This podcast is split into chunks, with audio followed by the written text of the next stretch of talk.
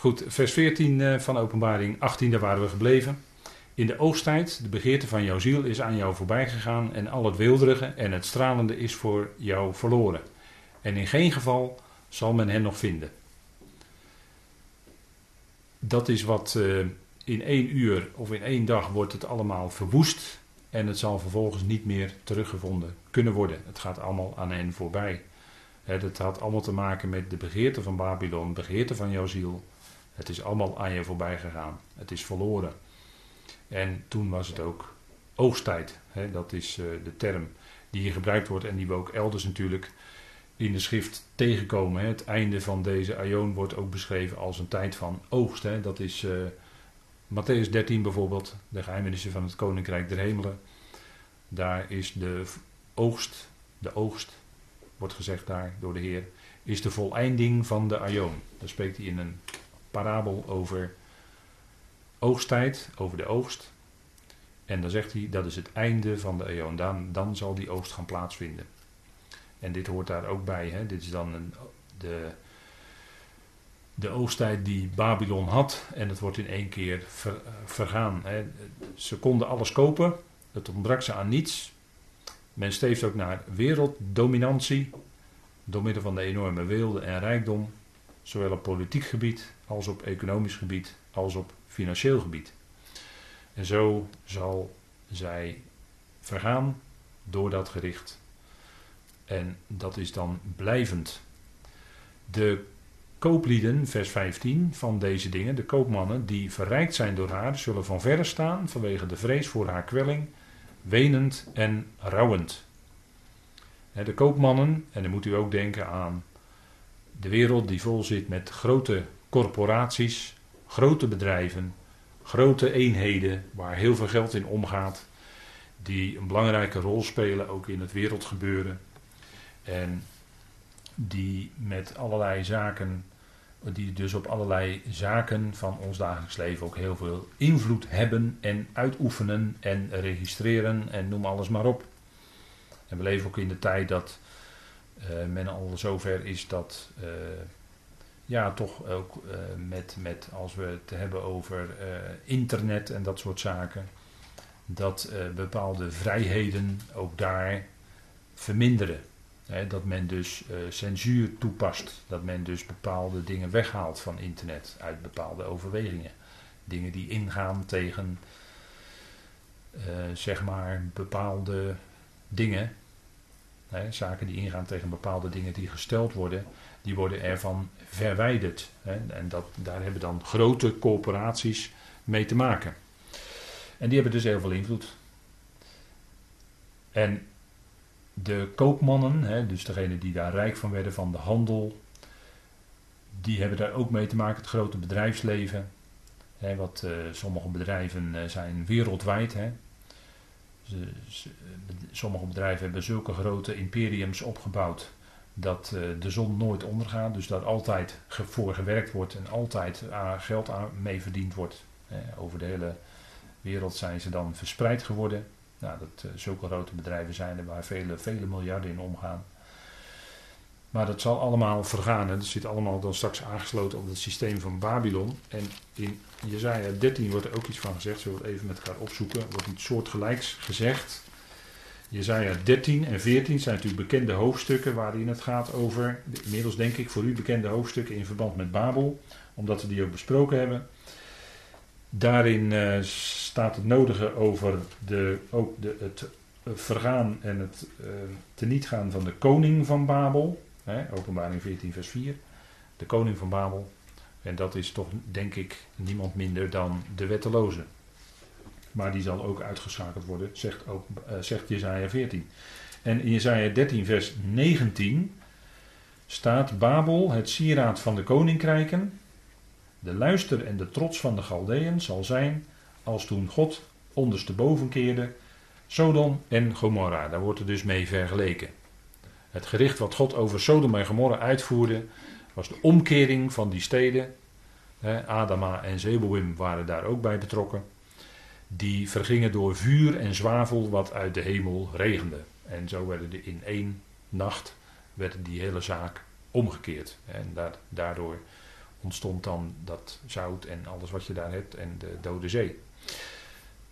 Dat lezen we ook bijvoorbeeld in uh, Jeremia 49, vers 18. Laten we ook nog even met elkaar opzoeken. Jeremia 49, vers 18.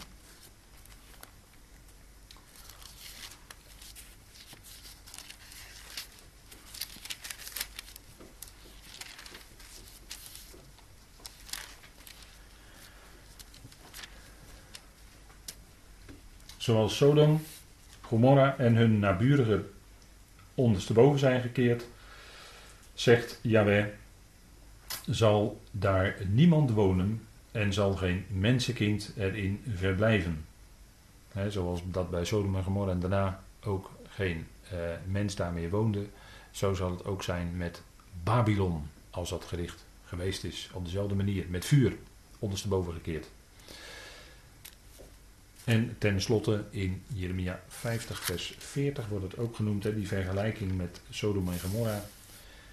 Zoals Elohim, Sodom en Gomorra en de naburige ervan ondersteboven heeft gekeerd, spreekt Jaweh, zo zal niemand daar wonen en geen mensenkind of geen zoon van Adam in haar verblijven.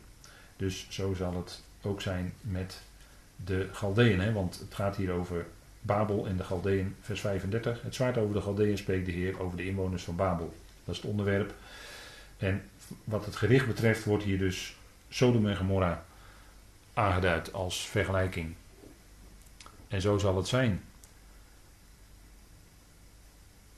En men zegt dan: Wee, wee de grote stad, die omhuld was, vers 16 van Openbaring 18, met batist en purper en scharlaken, en verguld met goud en waardevolle steen en parel. En dat is dan de koninklijke stad waaruit de wereldregering zal plaatsvinden onder leiding van de oligarchie van de wereld. Zo dat, die term kunnen we dan toch wel gebruiken. Hè? Op oligarchische wijze zal de wereld dan geregeerd worden. En de val van het grote Babylon zal dan natuurlijk wereldwijd ook gezien worden. Op hetzelfde moment dat het gebeurt, zal het natuurlijk ook zichtbaar zijn. Hè? Daar is de techniek, techniek natuurlijk al lang toereikend genoeg voor om dat te laten zien. Ze was bekleed met batist, purper en scharlaken. Dat zijn natuurlijk koninklijke kleuren, de koninklijke kleding. En verguld met waardevol steen en parel, dat is natuurlijk de beschrijving van koninklijke heerlijkheid. En die oefent Babel dan ook uit in de eindtijd. Hè. Dat is, uh, wordt zeer uitgebreid dus in dit hoofdstuk beschreven. En men zegt WW dat in één uur zoveel rijkdom woest gemaakt werd. En iedere stuurman en ieder die op de plaats vaart, en zeemannen en al wie op zee werken, stonden van ver. En ze keken ernaar. Ze bleven op een afstand staan, want ze zagen iets groots gebeuren. En natuurlijk de zeeaanvoer, via, de aanvoer via zee is natuurlijk ongelooflijk belangrijk voor de handel, voor het verschepen van grote hoeveelheden, voorraden en noem alles maar op. En uh, dat is natuurlijk in de afgelopen uh, decennia is dat natuurlijk enorm toegenomen, de wereldhandel, dat alles verscheept werd en uh, op allerlei manieren producten over de hele wereld vervoerd werden. En nog steeds is het zo dat je ver weg uh, dingetjes kan bestellen, kleine of grotere dingetjes, en na één of twee of drie weken komt het bij jou in de brievenbus vallen. Dat gebeurt allemaal nog steeds, maar door de recente crisis van afgelopen jaar is daar toch wel een flinke kink in de kabel gekomen. Ook met betrekking tot voedsel, dat dat heel belangrijk is, en Afrika. Want die zijn ook afhankelijk voor de aanvoer van voedsel en daar is nog wel het nodige aan de hand. Daarover wordt ook overigens weinig gemeld, althans uh, niet zoveel voor zover ik weet. Maar het, het, is wel degelijk aan de hand. Men heeft daar wel degelijk problemen met voedselvoorziening in diverse Afrikaanse landen. En dat is het gevolg van de onderbroken handelsroutes, de onderbroken routes van aanvoer en afvoer en al dat soort dingen. Dus er is nog best wel wat aan de hand. En die rijkdom die werd mede vergaard hier door, of aangekocht, doordat men dat allemaal aanvoerde. Dat, ging over water. En uh, een bekende slogan van de, binnenvaart is vervoer over water de juiste weg, weet u wel. En dat is ook zo, dat is ook heel goed. En naar Babel heb je natuurlijk de Uifraat. De Uifraat. En daarom kan het ook een enorme stad zijn. Er wordt zoveel aangevoerd over dat water. Dat dat allemaal daar ook daadwerkelijk heel makkelijk gebracht kan worden. En dat geldt natuurlijk ook voor de grote wereldhavens die we in onze tijd kennen. Hè, waarvan, we, uh, waarvan we hier ook heel dichtbij zitten. Maar uh, ja, Londen, Antwerpen, zo zijn er nog wel meer te noemen. Hè, Shanghai, dat zijn echt grote wereldhavens waardoor veel handel gaat, waardoor veel loopt en waardoor men dan ook rijk wordt, rijker wordt. Hè?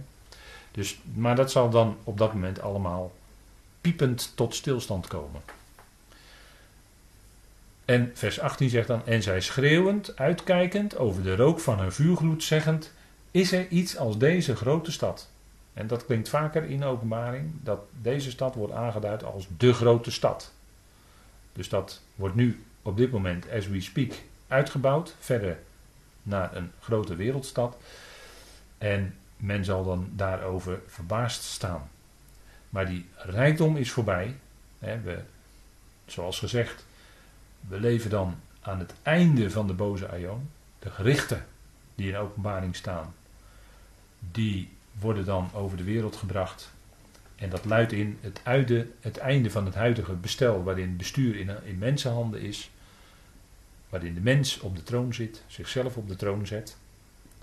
Humaniteit staat aan de top. En dat is dan afgelopen. En dan gaat er een andere tijd komen. Dan die wilde en rijkdom is dan voorbij. En dan gaat voor de wereld de ware rijkdom, de ware zegen komen. Want dan gaat de Heer zelf komen. En gaat zelf via Israël, vanuit Sion, vanuit Jeruzalem, zijn zegen en zijn heerlijkheid geven over de volkeren, over de wereld. En kijk, eh, rijkdom, ja, daar heb je nooit genoeg van. Hè. Het is altijd meer, meer, meer. Dat zegt een prediker ook. Laten we even met elkaar opzoeken. Prediker. Die keek om zich heen en dat was een wijs man. En die schreef dat op. Prediker 5. En dat is dan ook heel erg van toepassing op Babylon. Maar ik denk dat het altijd goed is als we het lezen voor onszelf als gelovigen. Prediker 5 vers 9. Wie het geld lief heeft, wordt van geld nooit verzadigd. En wie de overvloed lief heeft, niet van inkomsten. Ook dat is vluchtig, zegt mijn vertaling dan. Maar als ik, een, als ik de NBG zou lezen, zou ik lezen ijdelheid. Dat is toch wel een prachtig woord hoor, ijdelheid. Ook dat is ijdelheid. Het is zomaar voorbij. en ergens in uh, Spreuken staat ook iets over rijkdom wat ineens vleugeltjes kan krijgen, weet u wel. Dat kan ineens weg kan zijn. Dat is ook zo. En dat ondervinden mensen ook, en dat vind ik heel verdrietig. Dat vinden ook, ondervinden ook mensen in onze samenleving. Die uh, door de hele crisissituatie verstoken zijn van hun inkomsten die hun bedrijf te gronden zien gaan. Dat vind ik heel verdrietig. En daarmee is ook gezegd dat het allemaal heel erg betrekkelijk is. Hè? Het is toch allemaal heel erg betrekkelijk. Hoe verdrietig het ook is. Maar ik denk dat de prediker hier toch een enorm punt maakt. Hè? Dat, uh, wat hij om zich heen zag. En dat is ook waar. Hè? Dat zie je ook bij mensen. En... Uh, ja, dat werd op een gegeven moment uh, werd, werd dat ook goed gepraat. Hè? In, in, in die tijd leven we ook. Hè? Er, was, er was op een gegeven moment een film, maar ik weet de titel er niet meer van. Maar dat was uh, een hoofdrolspeler en die zei op een gegeven moment in de film zoiets van greed is goed. Dus hebzucht is goed. En dat was iemand die in de beurs. Het was een film dat ging over beurshandel en daarvan rijk worden en noem alles maar op. En uh, die, dat werd een hele beroemde uitspraak, waardoor de media overgenomen werd dat, uh, dat greed, hebzucht, dat het goed is. Dus daar werd even een omkering gemaakt, want hebzucht is helemaal niet goed. Het maakt zoveel mensenlevens kapot. En, en, en we lezen volgens mij ook in Colossense. Hè, een van de dingen die afgoden, laat ik maar even met elkaar lezen. Colossense 3 staat er heel duidelijk in. Hè. Colossense 3.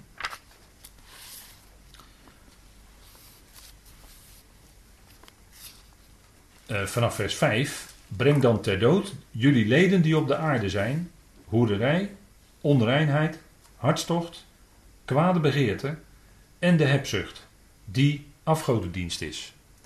En dat is natuurlijk niet alleen de, de, dat is niet alleen natuurlijk de hebzucht, daar wordt het heel dicht tegen aangezet. Maar dat is natuurlijk geldt voor het hele rijtje. En dat is natuurlijk een duidelijke aanwijzing van Paulus. Want hij zegt daarbij, waardoor de verontwaardiging van God komt over de zonen van de weerspannigheid, onder wie jullie ook eens wandelden toen jullie daarin leefden. En met andere woorden, maar nu dan niet meer, helemaal niet meer. Hè? Want Paulus zegt wat het is, afgodendienst. Je bent bezig met iets uh, belangrijker te maken in je leven dan God. En uh, dat is afgodendienst. Dat is afgoderij. Alles wat in je leven belangrijker wordt dan God zelf, dan de Heer zelf, is afgodendienst. En uh, bij mensen uh, en ook bij gelovigen kan dat zomaar op de loer liggen. Paulus die geeft daarin een hele duidelijke aanwijzing. Hè? En we zouden dan ook doen wat direct daarvoor staat. Hè? te zoeken wat boven is waar Christus is en als je dat doet, dan houdt dat tegelijk, tegelijkertijd in. Breng dan ter dood jullie leden die op de aarde zijn. dus daar geen voeding aan geven. Als je aan iets geen voeding geeft, dan sterft het vanzelf af. Dat is de strekking van hier, het brengt dan ter dood. Maar als je het gaat voeden, ja, dan, dan wordt het steeds sterker en dan krijgt het op een gegeven moment grip op je.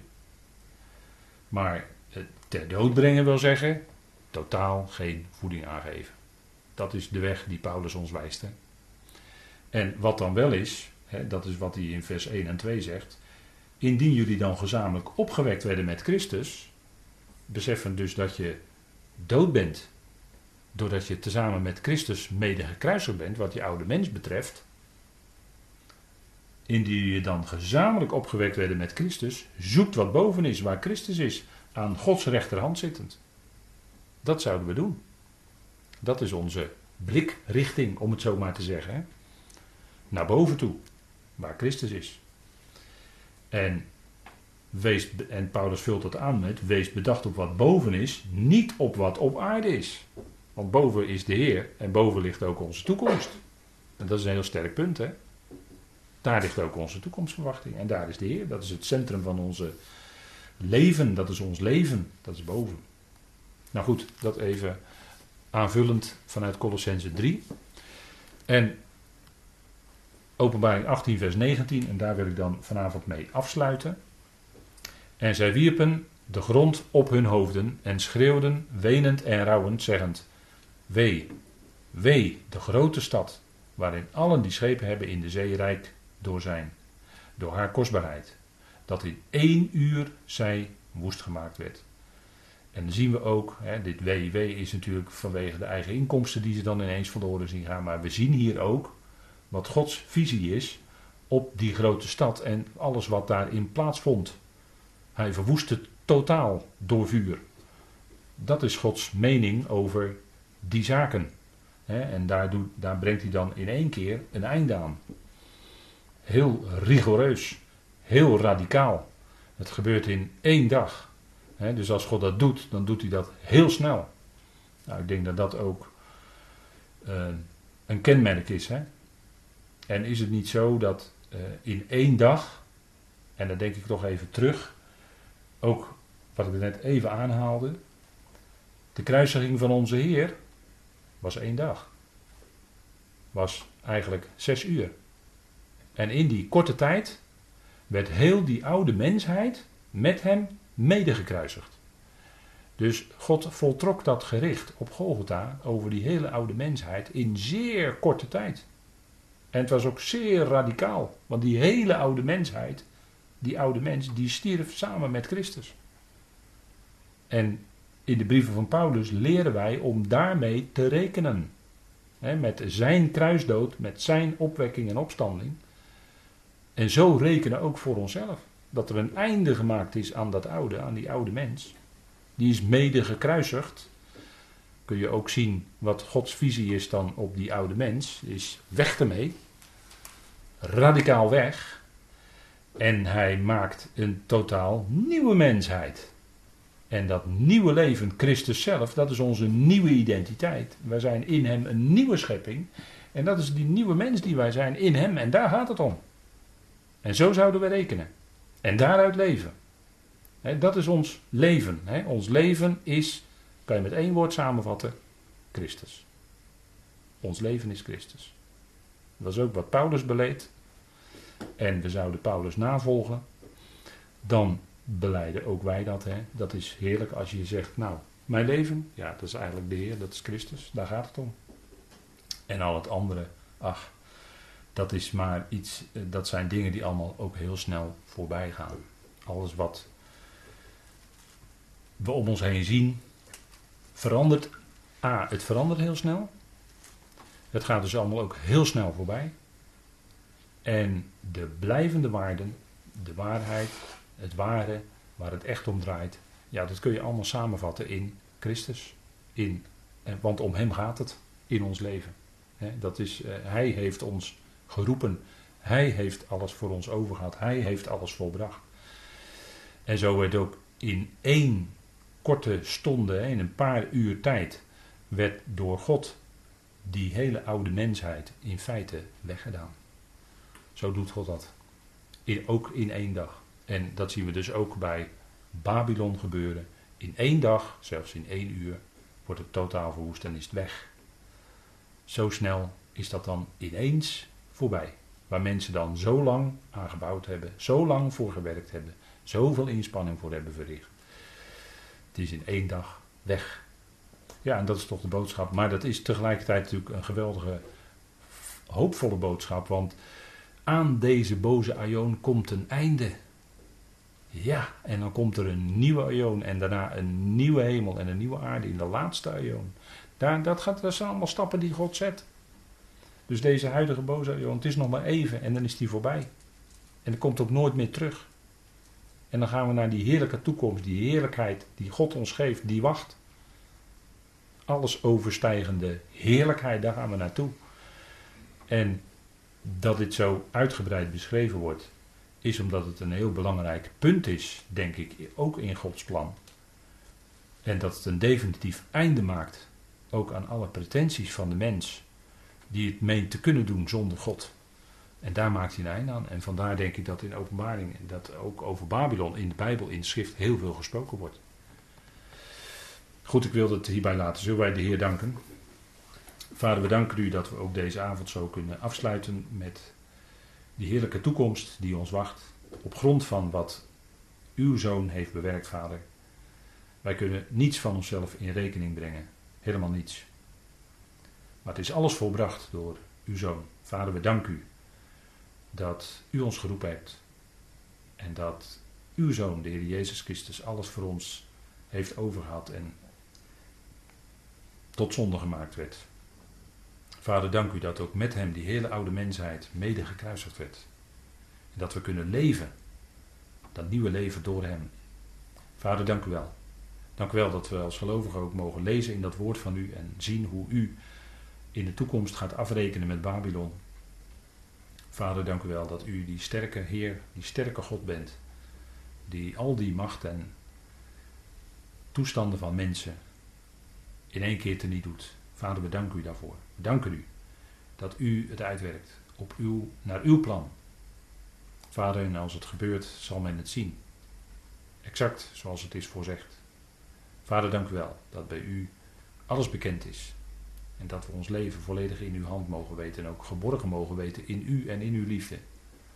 Vader, dank u wel daarvoor. Dank u wel voor deze avond die u ons gaf. Wees ons genadig nabij, ook in de komende dagen. Leid ons en ondersteun en sterk waar nodig en wat nodig is. En dank u wel dat u, ook als we beproevingen ondergaan, dat u met die beproeving ook de uitkomst zal geven, zodat we er tegen bestand zijn. Vader, we danken u daarvoor, in die machtige naam. Die is boven elke andere naam, de naam van uw geliefde Zoon, onze Heer Christus Jezus. Amen.